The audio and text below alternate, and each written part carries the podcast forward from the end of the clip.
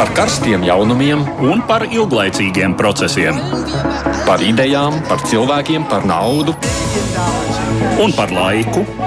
Par abām mūsu planētas puslodēm, un lietojot abas smadzeņu puslodes. Ēterā raidījums divas puslodes. Mēs tiekamies atkal ikdienas raidījumā, divas puslodes. Tad pievēršoties notiekošajam ārpus mūsu valsts robežām. Katrs savā mājas studijā esam mēs, Edvards Liniņš un Aits Tomsons. Turpinot sekot līdzi nedimstošajai spriedzēji ap Ukrainu un Krieviju, tam gan šoreiz veltīsim mazāk uzmanības. Vien gribam pārunāt vienu retāk analizētu aspektu. Jā, un proti, kāda loma rietumu un Krievijas pretstāvē varētu būt Ķīnai? Kaut arī Āzijas lielvalsts šķietami uz notiekošo noraugās no malas, Krievija ar šo bieži vien sabiedroto kaimiņu nerēķināties nevar. Ja pret Krieviju tiktu vērstas nopietnas rietumu sankcijas, Ķīnas atbalsts tai būtu izšķiroši svarīgs.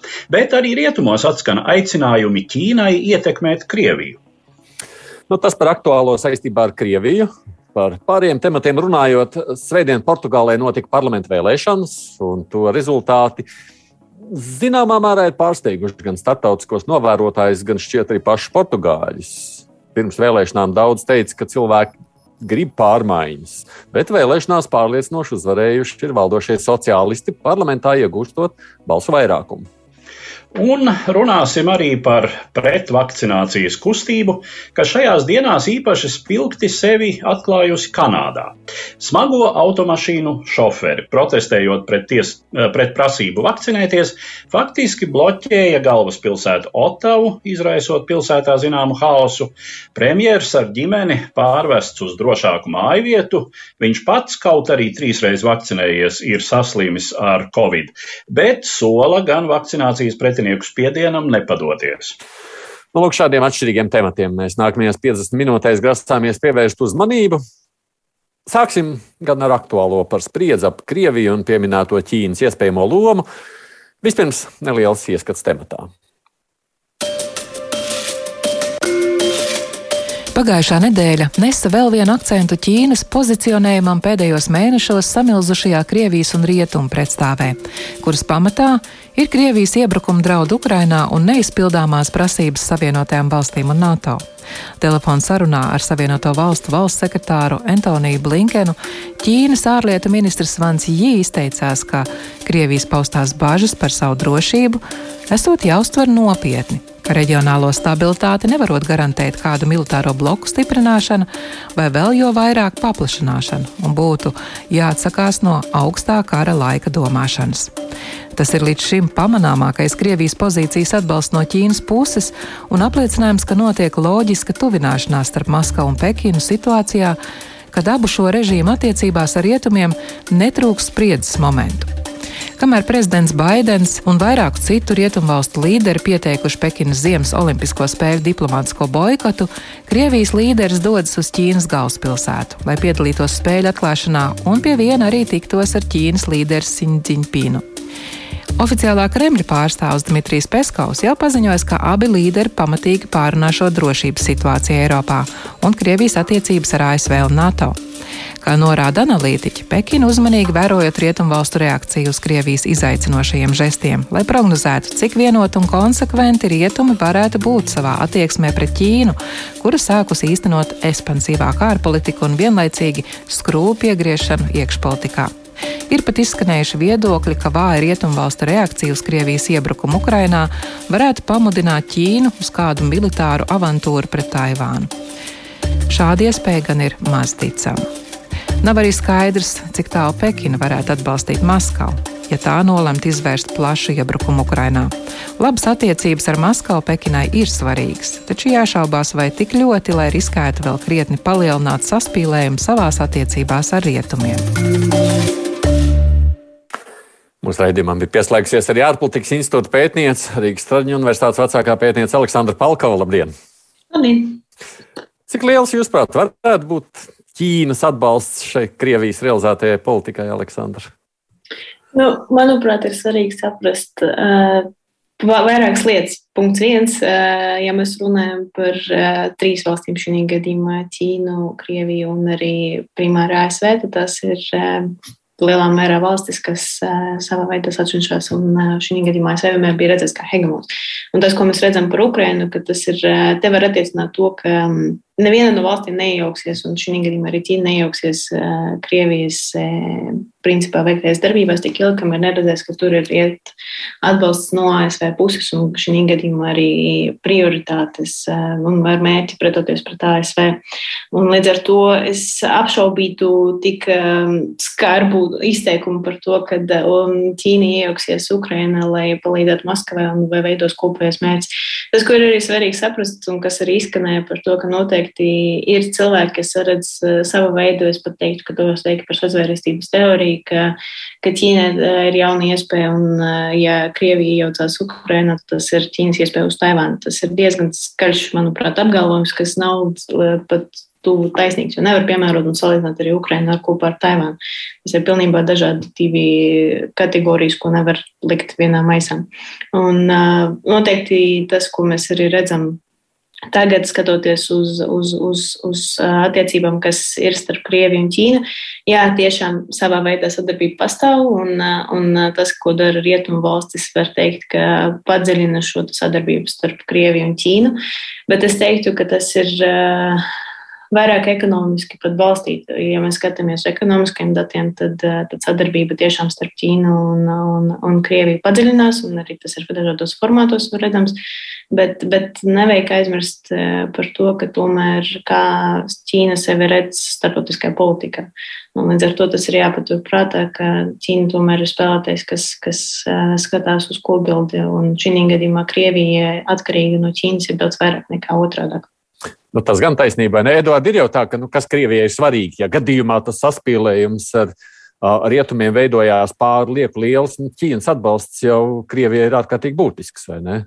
Jā, nu, Krievijai ir būtisks Ķīnas diplomātiskais atbalsts, nu, un tāds piesardzīgs, kā, kā mēs to konstatējam tagad, tas ir iezīmējies, bet, nu, te teiksim, uzsveramais vārds ir piesardzīgs.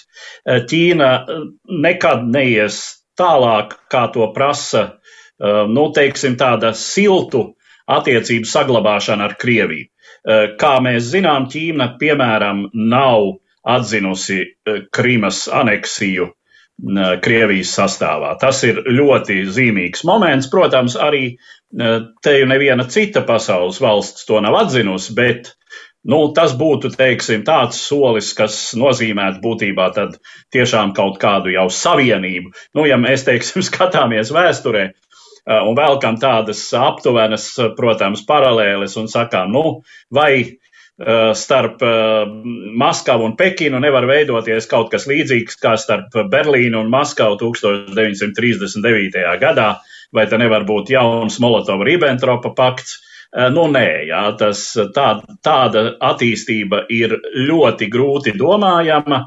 Eh, ir tā, ka Ķīna, runājot par Taivānu, protams, eh, Taivāna ir pavisam kaut kas cits. Savienotās valstis ir uzņēmušās konkrētas starptautiski tiesiskās un arī militārās garantijas uzbrukuma gadījumā Taivānai, kādu, protams, nav Ukrainai. Tā ka, ja Ķīna eh, mēģinātu kaut ko tādu, nu, tad eh, tas būtu atklāts militārs konflikts ar Savienotajām valstīm. Neviena, ne otra puse to nevēlas. Eh, bez tam nu, jāsaprot, ka Ķīnai ir nu, tās attiecības ar rietumiem, ir vajadzīgas tomēr daudz maz labas.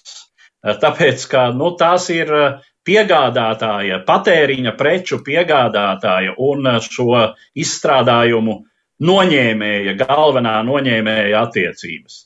Eh, Ķīnas eh, ekonomiskā ietekme pasaulē ir šobrīd balstīta tajā, ka tā ir sekmīgi kļuvusi tā sacīt par pasaules, eh, pasaules fabriku. Ja?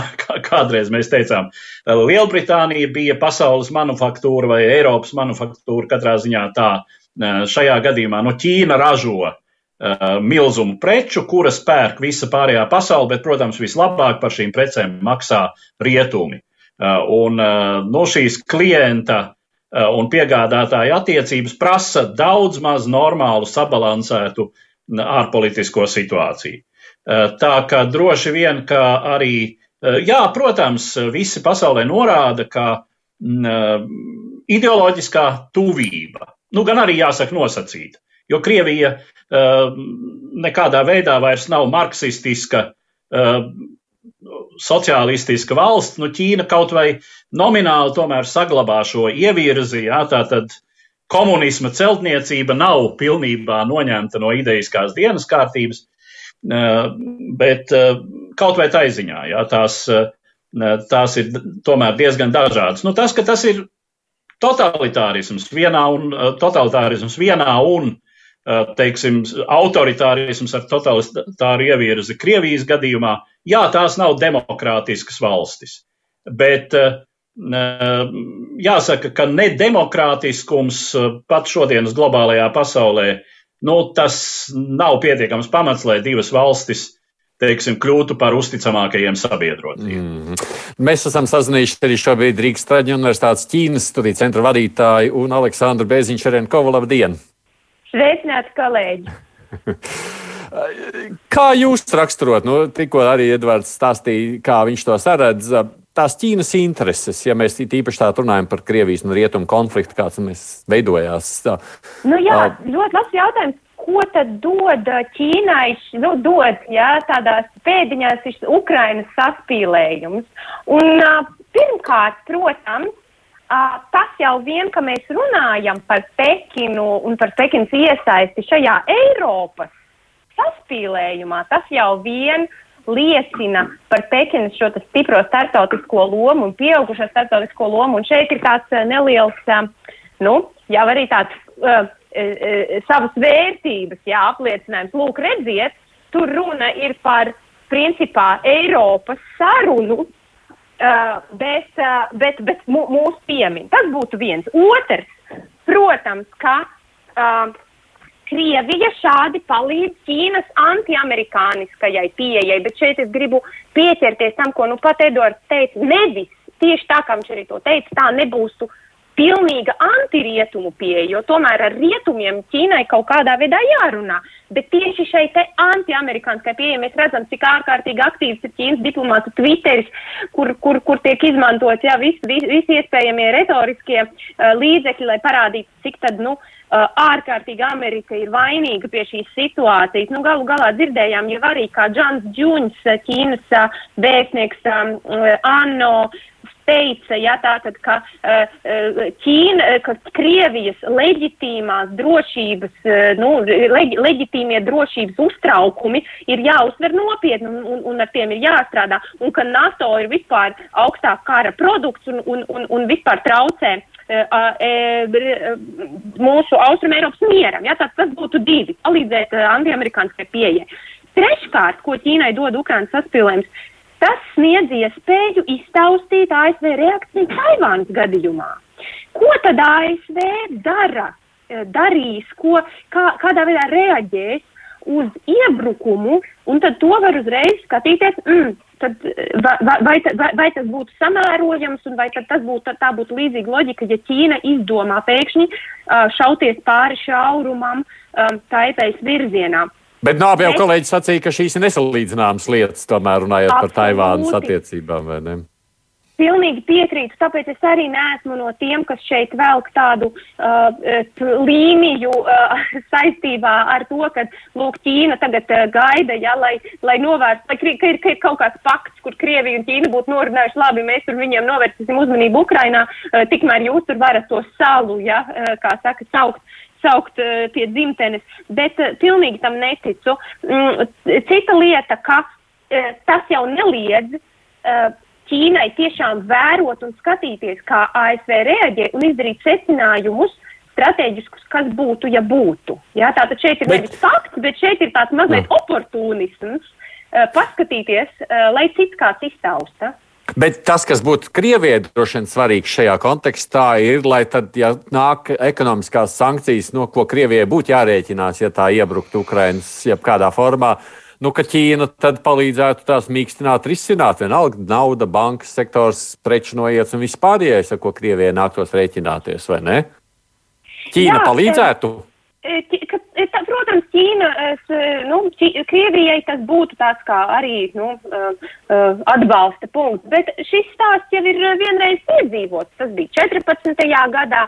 Un mēs redzam, ka galu galā tik un tā tā sadarbība ar Ķīnu, tas vairāk Krievijas ārpolitikā ir arguments, tas ir tāds kaulēšanās instruments, ja nu kas tad mēs ejam uz austrumiem, bet patiesībā tomēr jau viņi vēla, vēlētos, lai, uh, nu, lai, lai tie, tā, tas, tas, tas rietumu, viņu zaudējums rietumu priekšā nebūtu tik liels. Līdz ar to nu, Ķīna tik un tā ir mierinājuma balva un Ķīna sadarbība ar Ķīnu. Un vēl kas Krievijas stratēģi ļoti, ļoti labi saprot, un par to arī tiek rakstīts, ka uh, principā padarīt šādā situācijā sevi atkarīgu no Ķīnas, padarīt Krieviju atkarīgu no Ķīnas, arī būtu netālredzīgi Krievijai, jo Krievija ļoti labi apzinās, ka šī nav vienlīdzīga partnerība un ļoti labi apzinās visus tos spēcīgos instrumentus, kas jau Krievi, Ķīnai ir um, attiecībā uz Krieviju, un tādā veidā pilnīgi uh, orientējoties uz Ķīnu.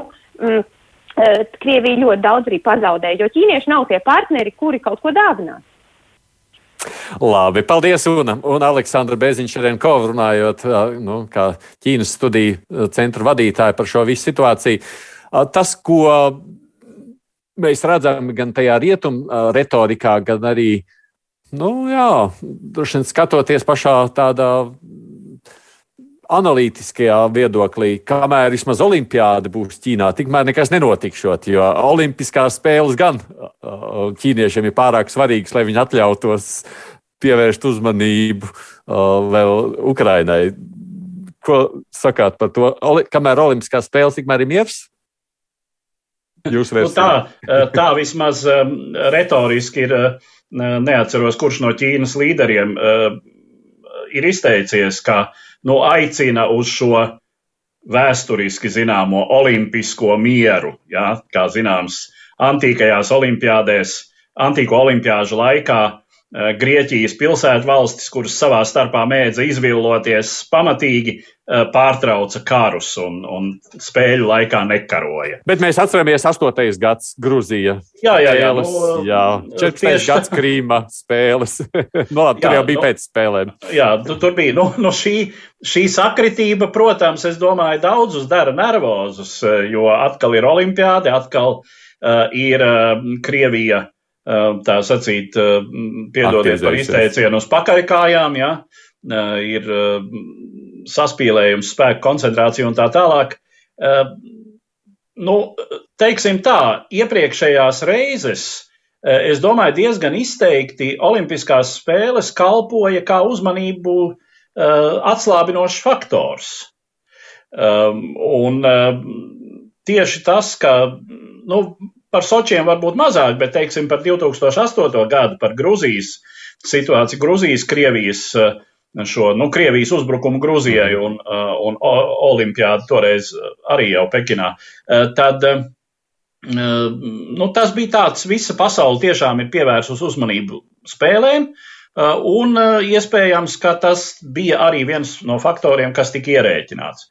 Šoreiz īsti nu, tas nestrādā, jo uh, spriedze ir, ir jau pamatīgi uzkarsēta, visas pasaules uzmanība ir pievērsta eh, tiešām Ukrainas situācijai, un nu, tad tiešām ir jautājums, jā, kā, kā vakar Kristīna Bērziņa teica raidījumā Krustpunktā, ka um, sabojāt ir iespēja Krievijai šādā veidā ir iespēja izbojāt eh, Pekinai ballīti, vai ne? Bet, Aleksandra, bet vispār runājot, ja es pareizi saprotu, tad uh, kopumā savalkot iekš visa.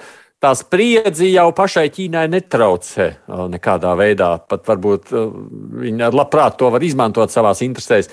Bet, ja patiešām sāktos kara darbība Ukrajinā, tad Ķīna nekāda ieguvēja no visas šīs situācijas nebūtu. Ja tur Krievija pārliek lūkotos. Nu, tur vēl iepriekš, pa iepriekšēju pišķiņu paskrienot, tad bet ir zīmīgi tas, ka Ķīnas ārlietu ministrija ziņojusi, ka viņi lūdz Krievijai tomēr atturēties no, no, no, no, no, no savām rīcībām, kamēr notiek. Kamēr spēles, jā. Jā, tāpēc tas ir arī zīmīgi. Bet runājot arī par Ķīnu, tas, ko manuprāt ir arī svarīgi saprast iekšēji, kas notiek Ķīnā, Un eh, es neesmu droši, ka pareizi ir apgalvot, ka tas visas spriedze kādreiz eh, netraucē Ķīnai. Viss, kas notiek šo spēļu ietvaros, arī boikotēšana, kas es nerunāju šobrīd arī par valstīm, es runāju arī, piemēram, par privāto sektoru. Tas ir lielā līmenī un it īpaši ņemot vērā, ka Ķīnā pagājušajā gadā notika šo nekustamā īpašuma krīze un spriedze un tas, kas, un zinot, ka Ķīnai tas eh, veido aptuveni 30% no IKP, tas ir principā velk uz to, ka Ķīna ieiet šobrīd ekonomiskā krīzes pamatstadijā. Līdz ar to vēl papildus ņemot vērā spriedzi, kas notiek starptautiski politiski, tad tas nemaz nepadara Ķīnas situāciju, kur nu vieglāk, vieglāk arī, arī tagad pēdējie dati, starp citu, no Starptautiskā valodas fonda ir teikuši par to, ka kopējais Ķīnas izaugums, kas ir bijis ja 2001. gadā, 2021. gadā nesot uz, uz Covid krīzi, ir bijis 8,1, tad tagad tas būs 4,8 uz nākošo gadu, kas ir principā gan arī vai uz pusi mazāk. Un, un, un ņemot vērā arī visas tieši privātā sektora reakcijas uz, uz un, un boikotēšanu arī par olimpiskajām spēlēm, tas viss padara kopējo bildi nemaz tik draudzīgi, kā tas varbūt šīs par to, ka Ķīna var izmantot un, un to kā sev par labu un, un kaut ko tālāk rīkoties. Tīpaši, ja vēl tā situācija paliek sarežģītāka. Jā, īsti, īsti tādas ļoti nopietnas starptautiskas politiskas krīzes ekonomiskās sekas uh, nav pat aprēķināmas. Kas varētu notikt, ja Krievija tiešām Jā, atļautos kādu nopietnu avantūru Ukrainā, tad ļoti nopietnas sankcijas.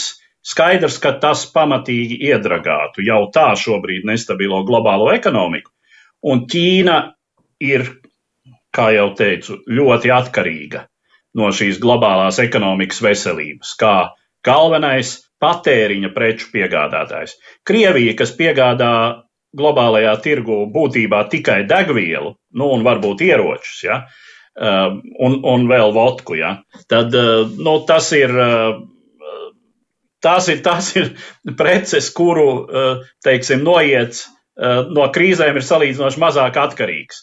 Vajag vienmēr. Ja?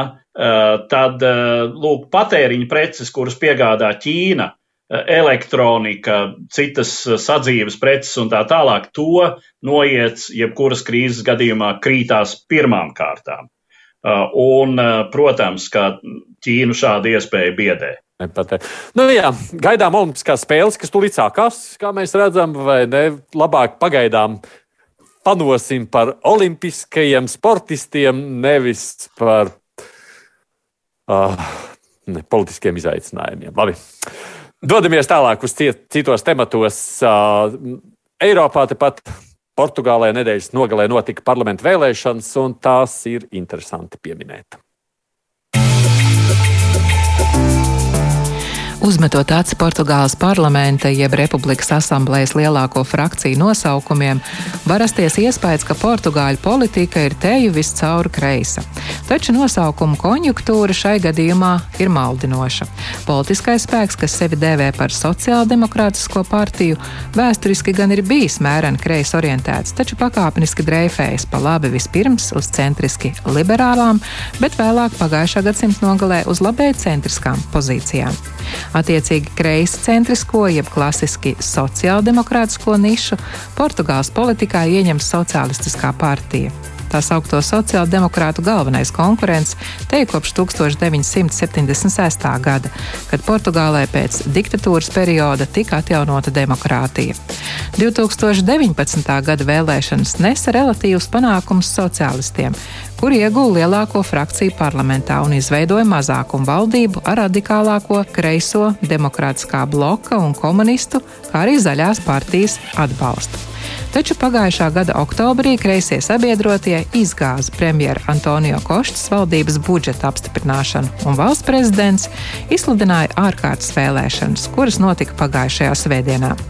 Vēlēšana rezultāti liecina, ka portugāļu vēlētājiem ir īsti paprātām Koštas kabineta sabalansēta taupīgā, bet izaugsmu veicinošā politika un, acīm redzot, arī rīcība pandēmijas krīzē. Sociālisti ieguva nepilnus 42% balsu, palielināja savu frakciju līdz 117 no 230 mandātiem un nu jau veidos vairākumu valdību. Pēc visas spriežot, viņi atņēmuši balsis saviem līdzinējiem sabiedrotajiem, kuru frakcijas šajā parlamentā sarukuši pavisam mazas. Ieguvēji šajās vēlēšanās ir arī Liberātiskā partija, Liberārā institīva, un jo sevišķi radikāli nacionālistiski populistiskā partija Čega, kuras nosaukums latviskojams kā pietiek. Tomēr arī šīs frakcijas ir mazas un nenozīmīgas, salīdzinot ar portugāļu politikas smagsvariem, sociālistiem un sociāldemokrātiem.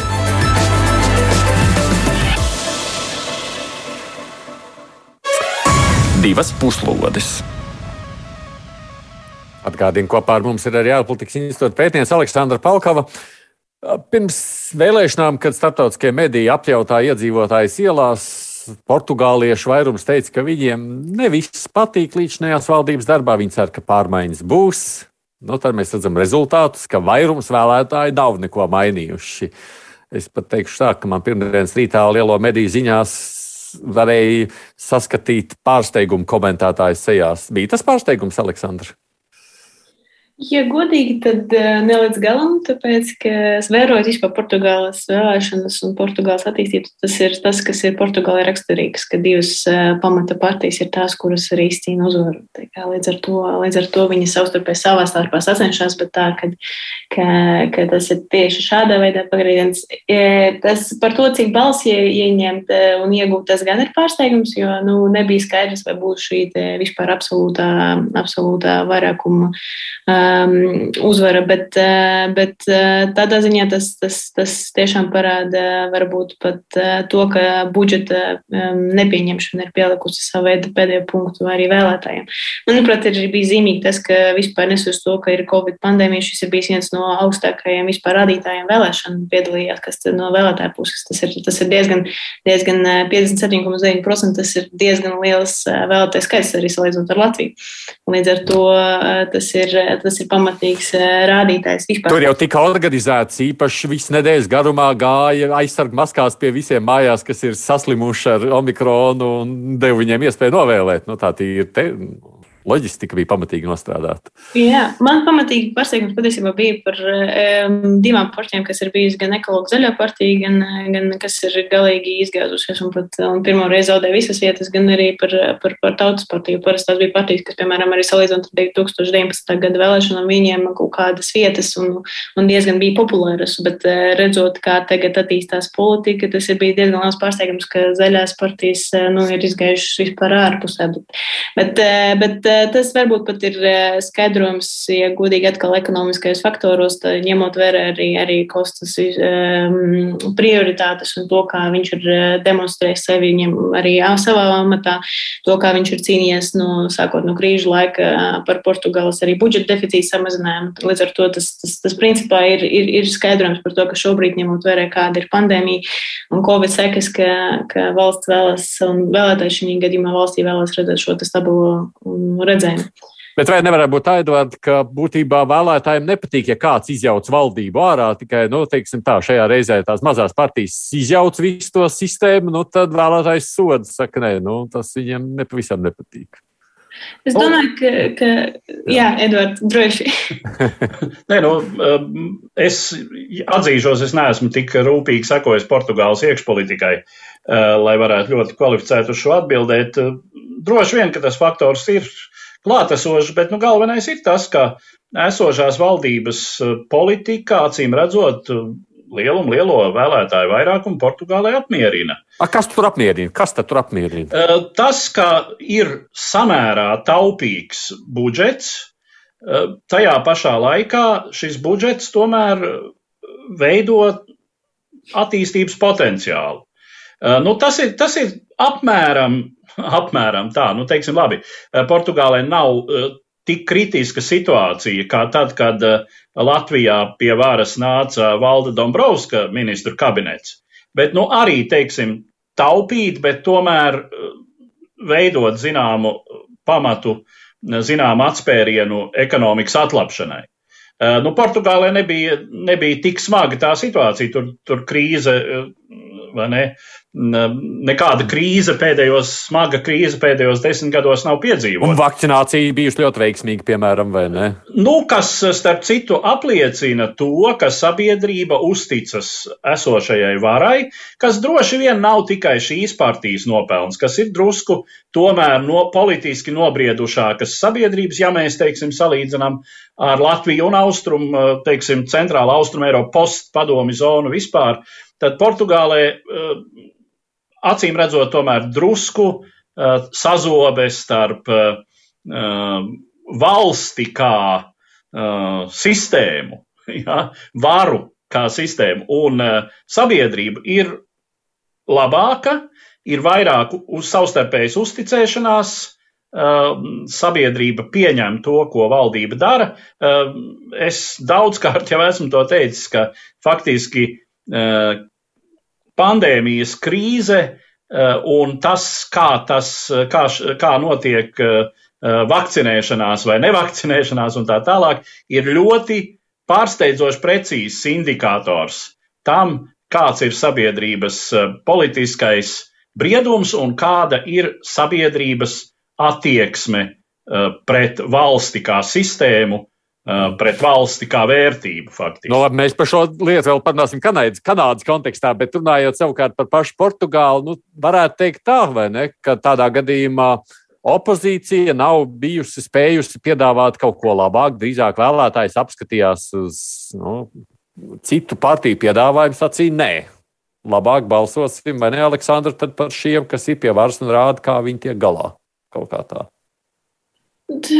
Es, es eh, negribētu nepiekrist, neapstiprināt šo, bet, eh, bet eh, vispār arī, ja drīkst nedaudz aizvirzot, manuprāt, atgriežoties arī pie tā un papildināt Eduardu, ko viņš stāstīja, tad, manuprāt, tas, kas ir svarīgi un arī kāpēc vēlētāji izvēlās, un, un arī tā ir Eiropas kaut kur kopējā pozīcija par to, ka pēc vēlēšanām tieši Eiropas Savienības valsts un arī Eiropas Savienības institūcijas apsveica principā Portugālē ar konkurētās partijas uzvaru un teica, ka tas ir fantastiski, ka tagad būs kopējā vienotā pozīcija uz, uz, uz, uz Eiropas Savienību. Manuprāt, tas ir radīties arī kaut kur eh, vēlētājiem, kas izvēlās tiešām šo ideju par to, ka ir jācīnās ar problēmām, kas šobrīd ir ka ir jāatrod kopsaucējs, kā mēs to varam pārvarēt. Un, un, un arī parunājot par pašu kostu, manuprāt, ir svarīgi to, ko viņš arī pats pēc tam ir teicis pēc savā, savā uzrunā, pēc tam, kad uzvarēja vēlēšanās par to, ka absolūtais vairākums nenozīmē absolūto varu, par to, ka tas būs vēl papildus, vēl papildus atbildība, lai to, lai vadītu Portugālu pareizi. Un, manuprāt, tas ir kaut, sava veida kopējais tas indikators, kāpēc varbūt citas partijas un kāpēc vēlētāji beigās arī piešķir šo te vairāk vairākumu. Tas nav gluži par to, ka ka, ka vēlētājs zaudēja savu, nezinu, vienā brīdī savu interesi, vēl kaut kas vienkārši šis vispār Covid laikā, ja mēs skaitām Portugālē kopējās, gan arī citas vēlēšanas, kas notika tās trešās vēlēšanas. Un tas viss vienkārši sasumējās kopā. Es runāju arī par prezidenta vēlēšanām un par citām vēlēšanām, kas ir bijušas kopā. Tas ir vienkārši viss eh, sasumējās kopā un es eh, šo te ideju par to, ka ir, ir, ir, ir jāmeklē kopsēcējs, kā risināt situāciju. Bet vispār, ko tas nozīmē, Edvards, nu, šis dotais mandāts, nu, vairums parlamentā, tā ir daudzu partiju sapnis vai ne politikā, ka tev ir, nu, tā kā nav jārēķinās nevienu citu, tu vari realizēt savu politiku tagad, kā tu gribi. nu, jā, nav jārēķinās, tas demokrātijā ir principiāli nepareizi, jo uh, tas ir līdz nākamajām vēlēšanām, un vairākums, protams, ir uh, plus divas balsis virs, respektīvi viena balss virs vairākuma minimuma, jā, 230 kopējais mandātu skaits, 117 ir sociālistiskās partijas frakcijas lielums. Tā kā, nu, nedod Dievs, daži deputāti aiziet, nu labi, protams, mēs te Latvi, Latvijai raksturīgos scenārijus mēs uh, šeit varētu neizspēlēt, tāpēc, ka, protams, Portugāles Socialistiskā partija ir stabila, gadu desmitus pastāvējusi. Šai ziņā mēs Portugāli varam tikai apskaust, ka tiešām divas tik stabili pastāvošas partijas, nu, un starp citu, teiksim, tautas partijas, kas arī ir tāds labēji centrisks, konservatīvs, varbūt mazliet vairāk par labi pazušana. Nu, tā arī ir vēsturiska partija tur bijusi, bet nu, vienkārši tā niša, to nišu pilnīgi aizpild tā sauktie sociāldemokrāti. Ja, ko es jau savā ievadā arī uzsvēru, ka tie nu, nav klasiski Eiropas sociāldemokrāti. Viņiem tur ir kaut kāda daļa, kas, kas ir ar kreisākiem ieskatiem, bet būtībā tā ir tāda jumta vai lietus sargu partija būtībā labēji centriska. Bet ko tas nozīmē šis mandāts tomēr? Nu, tas nozīmē, ka ka var īstenot savu programmu. Jā, nu var īstenot konkrēti uh, savu, savu politisko programmu. Tātad, nu, tīri teorētiski vēlētāji ir devuši uh, mandātu uh, šādas programmas īstenošanai. Nu, teiksim, ja mēs skatāmies uz tādu Eiropas vispārējo politisko orientāciju, tad šādai Portugāles valdībai ir ļoti, teiksim, potenciāli labs dialogs ar eh, pašreizējo Vācijas valdību, eh, kas arī ir sociāldemokrātu, eh, zaļo, kas ir salīdzinoši kreisi, nu, un tad tie brīvie demokrāti izteikti liberālāks spēks, bet, nu, teiksim, kreisi centriski, bet tiešām tāda kreisi centriska valdība arī ļoti labi ierakstās plašākā Eiropas politikas kontekstā. Tas gan jā.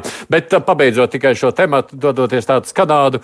Uh, nu, opozīcijai, es saprotu, Aleksandri, jāaudzē, nu kā, jāaudzē muskuļi tā citādāk, taču mm, kā tad, vai ne? Jā, nu, tas ir īsti no jūsu puses interesanti. Teikt. Nu, protams, ka jebkurā, jebkurā valdībā ir nepieciešams gan opozīcija, gan arī koalīcija. Ir vajadzīgi principā tas, kas uh, mudina uz priekšu. Un ir vienkārši jāvēro līdzi, jāskatās, kā būs tālāk. Manuprāt, visinteresantākais, ko mēs varēsim redzēt, tas būs tieši tā, kā šis mandāts, kas ir ar vairākumu iegūts, tiks īstenots. Ko darīs valdība tagad un kā tas attīstīsies. Kā tas attīstīsies Eiropas Savienības līmenī, kā tas attīstīsies ar kaimiņu valstīm, kā tas attīstīsies turpmāk uz, uz āru.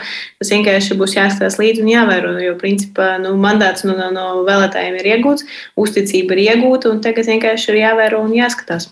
Nu jā, nu vēl, vēl ko droši vien ir vērts pieminēt, tas ir trešais spēks, kas pagaidām ļoti maznozīmīgs. Jā, 12, ja atmiņā man nebija deputāta mandāti, šai labējai radikālajai, populistiskajai, kas ir nu, tādi, kādi ir Vox Spānijā, kādi ir Zviedrijas, Zviedru demokrātija, eh, labējs, eh, populistisks spēks, ar kuru, nu, un tad ir jautājums, jā, vai ar šiem kādā brīdī potenciāli, nu, tad tā sauktie sociāldemokrāti varētu uh, kaut kā veidot kādu kopīgu kombināciju, vai tomēr nē. Jā, bet, nu, līdz šim viņiem bija viens deputāts iepriekšējā sasaukumā, nu, tagad ir 12. Mm. Jā, nu, tendence ir iezīmējusies. Jā, tas jau arī jā.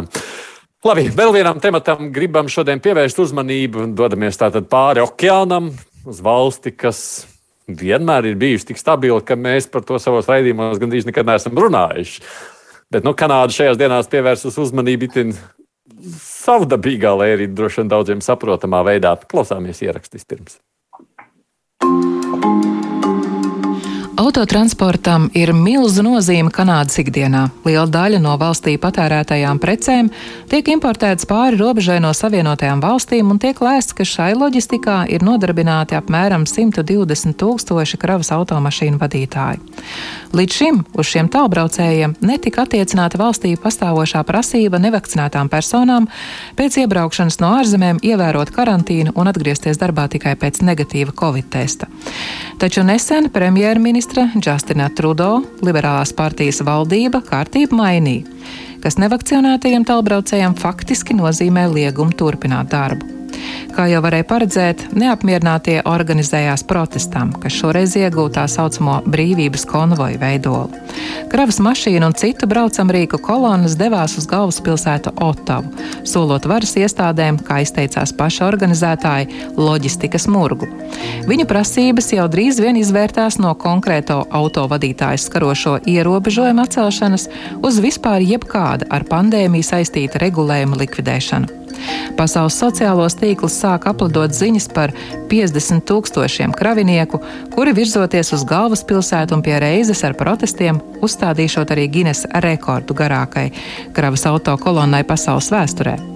Faktiskais efekts izrādījās krietni pieticīgāks, un kā lēš, maksimālais kravas auto skaits, kas pagājušajās brīvdienās ieradās Otavā uz protestiem, varētu būt ap 230. Privāto mašīnu skaits nepilns tūkstots. Protams, Arī šāds braucamrīgu apjoms galvaspilsētas centrā radīja zināmas problēmas, tomēr par satiksmes paralīzi gan netiek ziņots. Tāpat protesti, kas savu maksimumu sasniedz svētdien, kad iebraukušajiem pievienojās arī vietējie iedzīvotāji, noritēja visumā mierīgi. Tika fiksēti vien nelieli ekscesi, kā necierīga izturēšanās pret kritušo kareju memoriālu, uzdejojot uz nezināmā kareiva kapa, vai agresīva ēdiena pieprasīšana bezpajumtnieku patvērsmes zupas virtuvē. Premjerministra Trudo un viņa ģimenes pārcelšanās no rezidents galvaspilsētas centrā uz kādu publiski neatklātu vietu, pēc visas spriežot bija pārspīlēts drošības solis. Pirmdien daļa konvoja dalībnieku sāka pamest Ottavu, lai gan daži, cik var noprast, joprojām tur uzturas. Nopietnākās loģistikas problēmas protestu dalībniekiem izdevies radīt uz vienas no maģistrālēm, kas savieno Kanādas Albertas provinci ar Savienoto valstu Montanas štatu. Bloķējot ar kravas mašīnām robežu punktu, izveidojies vairākus kilometrus garš sastrēgums, kas pamatīgi pabojājis dzīvi tajā nejauši iekļuvušajiem robežu šķērsotājiem un pierobežas ciemata kaucas iedzīvotājiem. Premjerministrs Trudo par brīvības konvoju dalībniekiem ir izteicies visai asi paziņojot, ka viņiem nesot cerību iebiedēt valdību. Savukārt kravas auto vadītāja profesionālā organizācija Kanādas kravas pārvadājuma apvienība norobežojusies no protesta organizētājiem, paziņojot, ka vismaz 85% no tālbraucējiem šoferiem esot vakcinēti.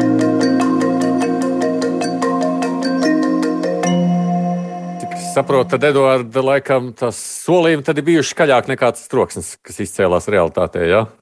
Nu, zināmas problēmas jau Otavā, protams, šo kravas mašīnu ierašanās ir radījusi, bet, nu, jāsaka, man, nu tā, no manas skata punkta, šķiet, ka drusku pārspīlēt varbūt tā Kanādas valdības iestāžu reakcija arī bijusi, vai nu vajadzēja premjeru evakuēt drusku šaubos, Uh, nu, katrā ziņā nu, labā ziņa ir tā, ka nu, nekas briesmīgs tur nav noticis un visdrīzāk arī nenotiks. Ja? Uh, jā, kaut kādas saraušanās, kaut kāda arī, uh, teiksim, šo mm, antivakcīnistu salamāšanās, teiksim, ar privātu veikalu īpašniekiem, kuri pieprasa, lai viņu veikalā tiktu uzlikta maska, un tie savukārt kategoriski atsakās, un, un tad izceļas kaut kāda asāka vārdu pārmaiņa, bet cik man zināms, nav pat šobrīd neviena arestētā. Uh, tā ka nu viss ir noticis iespēja robežās civilizēti. Uh, nu, tas, kas, tas, kas ir jā, šī auto, autostrādes bloķēšana, tas ir nopietnākais, jo tur tiešām mazs ciematiņš, kur vairs nevar normāli, kur, kur iet, nu, jūs iedomājaties, teiksim, salkrasti, ja, ja nobloķē, uh, kapitāli nobloķē uh, šoseju, kas, ceļu, kas iet cauri uh, Eh, visam, visai eh, apdzīvotai vietai. Eh, nevar ne skolas autobusi normāli kursēt, ne pārtiku pievest, ne aizbraukt uz benzīna tanku, un arī esot problēmas ar ātrās medicīniskās palīdzības pakalp, nu, teiksim, darbu. Ja? Nu, tas, tas, jau, tas jau vairs nav tikai joki. Mm. Mēs esam sazvanījuši šobrīd Latvijas vēstniecību Kanādā vēstnieku Kārli Heikenbaumu. Eichen, jā, labrīt. Labdien! labrīt, pareizi, jums tas rīts jā. vēl jā, tikai. Jā, mums vēl rīts, jā. Kāda ir tā pašreizējā pēdējā jaunuma, kāda ir tā situācija pašlaik? Jā, es gribu tikai varbūt papildināt iepriekšējo runātāju un pateikt, ka teica, ka nav aizturētie uh, Pēc ziņām ir divi aizturētie pašlaik, mm -hmm. ja, mm -hmm. un apmēram tas dalībnieku skaits, ko mēs tagad redzam šeit pie parlamentu un pie premjerministra biroja mājas, ir apmēram ap 200 cilvēki, ja, un kādi Palikuši, ja? apmēram 100. Mm -hmm. Jā, un apmēram kādi nu, simts uh, transporta līdzekļi. Starp tiem varbūt trešdaļa ir lielākas uh, smagās mašīnas, transporta mašīnas. Tā, gribētu teikt tā, ka pats tas protests skaidrs, tā kā jau iepriekšējā ziņojumā bija, bija savā apogējā sestdienas svētdien, tad, kad bija vairāki tūkstoši jau, un bija arī tie, kas bija atbraukuši no apkārtnes. Es pats personīgi redzēju mašīnas ar citu provinču numuriem. Ja, no Atlantijas provincēm, pat no prērijām, pat eh, no Britu Kolumbijas. Eh, bet eh, tagad es to, ko mēs redzam, tās ir tikai Ontārio vai Kvebekas uh, mašīnas principā. Ja mēs runājam par to dalībnieku spektru, kas tur piedalījās, tad to varētu varbūt spriest pēc tiem karogiem. Bez šaubām visur ir visi staigā ar Kanādas karogiem. Nu, Kanādas karogs ir kā simbols šeit tagad ir. Dažreiz tas ir gan apgriezts otrādi. Eh, ļoti daudzi Kvebekas karogu, eh, tad var redzēt arī karogus, eh, kas pārstāv, teiksim, tā kā, nu, vai tur īru karogs vai Francijas karogs, ļoti daudz Serbijas karogu, kas man ir drusku pārsteigums. Mm. Kāds ir arī redzējis Krievijas karogu. Tā kā, nu, vai tie protestētāji, vai tie cilvēki, kas tos karogus un simbolus lieto un, un, un lieto ļoti daudz saukļus par brīvību, uh, Eh, ko viņi šajos jēdzienos ieliek un šajos karogos, eh, man nav zināms. A, ko vispār pats vairākums vispār kanādieši saka? Kāda vispār ir viņu attieksme pret visu to vakcināciju un ko viņi saka par šīm protesta akcijām? O, vakcinācija kā tāda Latv eh, Kanādā ir, ir panākums stāsts. Es domāju, ka Kanāda ir augstākajās vietās, ja ne, ja ne pirmā vai otrā vai trešā valsts pasaulē, kas mm. ir saņēmusi nu, vismaz divas potas cilvēki. Ja? Cilvēki aktīvi arī uh, saņem balstu vakcināciju, tātad trešo poti. Ja? Uh, atbalsts ir liels, jo tradicionāli Kanādai ir uzticība savai valdībai, uzticība federālai valdībai, provinču valdībai, vietējām padomēm. To, ko, viņi, to, ko viņām uh, iesaka, to viņi principā cilvēki dara. Un, un tādēļ es gribētu teikt, ka šis tiešām ir, iepriekš jau minēja, ka 90% no tiem, kas strādā transporta uh, nozarē, ir vakcinējušies. Un šis, šie, šie cilvēki, kas ir šeit, tas ir absolūtais mazākums. Ja? Un es personīgi, man liekas, ka tas ir vairāk saistīts ar dažreiz ar kaut kādu, nu, tādu drusku radikālākiem uzskatiem, radikālākiem uzskatiem, ka man neviens neko nedrīkst norādīt, ja? un tad viņš aiziet zināmā galējībā. Uh, vai arī tas ir saistīts ar nogurumu, jo divus, ar, nu, tagad jau gandrīz uh, divus gadus ir visi ierobežojumi, ja, tas ir vienkārši tāds cilvēcisks nogurums vienai daļai. Uh, sabiedrība kā tāda īstenībā ir pret uh, šādiem pret šādiem protestiem, un ja jūs sekojat politiskajām, politiskajām ziņām, tad jūs redzat, ka dažreiz saka, o, ir, šis ir kaut kas tāds, kas varbūt nav izdevīgi federālai valdībai tātad uh, liberālai valdībai. Uh, gluži pretēji, uh, liberālā valdība Trudo vienalga ir, ir, ir zināmā veidā politiskie ieguvēji, jo lielākie zaudētāji ir tie, kuru vārdā it kā viņi runā tie protestētāji, viņi runā, ok, konservatīvo vērtību, brīvību un nezinu kas vēl, ja, tie ir zaudētāji, un jūs, jūs varbūt zinat, ka šodien pat konservatīvās partijas līderim, eh, opozīcijas vadītājam ir draud eh, pārvēlēšana, ka viņam izteiks neusticību. Ja? Viņš jau ir zaudētājs. Ja? Ieguvēji ir radikālie, ir tāds Barņē vadītā tautas partija, kur ir diezgan labēji noskaņota, ja? ir dažas kreisā grupas, kreiso grupas un arī starp protestētājiem, kad es sestdien, svētdien staigāju, nu, tas, tas Eh, tā, tā, tā atmosfēra vai tas veids, tur bija ļoti daudz tādu profesionālo protestētāju, cilvēku, kas pret, mm -hmm. vienmēr pret kaut ko ir pret, ja, uh, un, un vairumā tie bija tādi kreisie noskaņotie, tādi, drusku es teiktu, tādi hipijas stila cilvēki, ja, uh, ar, ar, ar marihuānas uh, smēķīti un, un, un, un ar saukļiem uh, Um, par brīvību. Ja? Jūs, redzat arī, jūs redzat arī lozungus, kas saka no, e, ne komunismam. Bet vai, viņi, vai, vai, vai tas, ka tev aicina un dod iespēju vakcinēties, ir komunisms, nu, tas, lai paliek. Katru ziņā. Paldies, es jums jā. saku, jā. Paldies, Kārls Eikenbaums, Latvijas veisnieks Kanādā. Paldies jums par sarunu uh, šajā visā notiekošajā. Es vispār raugoties visām tām protesta akcijām, rodas sajūta, nu, cik tie atklāja, cik līdzīgi domājoši esam visā pasaulē. Tad, visur neapmierinātie, visur protesti un domā tikai, ka pie mums ir slikti un citur viss ir labāk. Izrādās, ka tā ir gan, gan pie mums, gan Kanādā ziema diezgan jā. augsts. Jā, citu ziema un augsts. Tas ir, atcerēsimies, 13. janvāri. Nevēl 13. janvārs ir 13. janvārs. Augstā gaisa temperatūrā cilvēki kļūst, nu, teiksim, viņi, viņi aktīvāk grib sildīties, un tad var notikt vairāk neparedzētu lietu. Aleksandri, kā jūs raksturojat to, kas notiek šajās dienās Otavā? Nu, manuprāt, abi, abi kolēģi diezgan precīzi visu noraksturoja, bet, um, manuprāt, zīmīgi ir arī tas, ka, ja godīgi, tad uh, vismaz 90% no tiem, kas ir tālbraucēji, ir vakcinēti. Līdz ar to protestos, kuru piedalās, ir, ir cilvēki, kuri tiešām nav vakcinēti, kas iestājās pret vakcinēšanos un, un, un runājot par problēmām, ko, kas, ko te var identificēt. Manuprāt, lielāka problēma ir arī ne tikai tas, ka, um, kur mēs, kur Edvards runāja par aizbloķēto ceļu maģistrāli, reāli, bet eh, arī, arī, arī tajā, ka papildus šai kustībai tika mm, izveidots fonds, fondu uzkrājums un, un, un tas, ka fonds paspēja vairākās dienās sakrāt aptuveni 5,5 miljonus kanādas dolāru. Tas ir to, cik ātri un cik anonīmi. Eh, tas gan eh, parāda to, ka Kanādas valdība pati to arī, arī, arī publicēs no savas puses komentāru, ka, diemžēl, viņi novar, no, nevar noteikt, kas to ir darījis, bet viņi var pateikt, ka tas noteikti nav tikai Kanādā.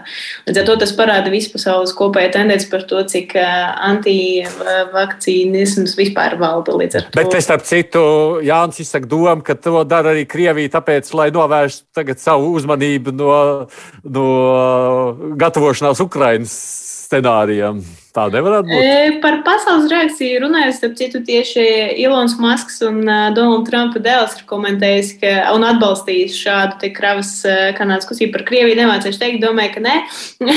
Būtu jau pat tālu visur, kur skriet un iesaistīties, bet, bet ja starptautiskā reakcija ir bijusi tāda, es domāju, ka kaut kur vispār protesti un kopēja neapmierinātība ir ne tikai Covid izraisītās ierobežojuma dēļ, bet arī, arī kaut kur pret pašu Trudeau. Cilvēkiem var būt neapmierinātība un ar viņa pēc, kā pret viņu personību. Bet, um, Tāpat kā pie mums pret Kariņu, nu, kurš vainīgs Kariņš? Tieši, tieši tā. Jā, ar... var piebilst, ka Trudo jau ir samērā ilgi pie varas. Jā. Un tur varētu būt arī drusku tiešām sabiedrības apnikums ar vienu seju, kas ir Kanādas priekšgalā. Mm, šķiet, ka te jau desmit gadus. Uh, un uh, es pieļauju arī tā nervozā reakcija. Uh, jo nu, es, es teiktu, ka paša Trudo izteikumi arī bija, nu, tie nebija samiernieciski. Tie bija nikni, pieminot visus iespējamos nodarījumus, ko tie tur ir sastrādājuši galvaspilsētā un tā tālāk. Iespējams, tā ir nervozitāte un tāda izjūta, ka jā, nu, kas to zina, kas to zina, kā būs nākamajās vēlēšanās. Vai tiešām, jo, nu, teiksim, iespējams, ka sabiedrība nolems, ka nākamā valdība varētu būt konservatīva, nevis liberāla. Jā, bet ja mēs atceramies, mēs arī pabeidzam šodien šo tematu un vispār raidījumu, mēs jau būtībā par Kanādu pēdējo reizi runājam tieši vēlēšanu sakarā. Nu, iepriekš tauta tomēr viņu ievēlēja, bet, nu, Protams, ka te jau sava politika arī savu lomu spēlē. Īsnībā par uh, pretvakcinācijas kustību būtu interesanti kādreiz mazliet vairāk palūkoties, kā tas, cik startautiski tā lieta ir. Bet paldies jums, Aleksandra Palkova, Rīgas Traņu universitātes vecākā pētniece, kolēģis Edvards Liniņš. Uh, Edvards dodas atvaļinājumā, tā kā nākamajā reizē sekosim bez viņa notikumiem, lai tev labi atpūta. Producenti tevi junām. Uh, nu, šeit bija arī es, Aidis Tamsons. Paldies! Paldies. Divas puslodes!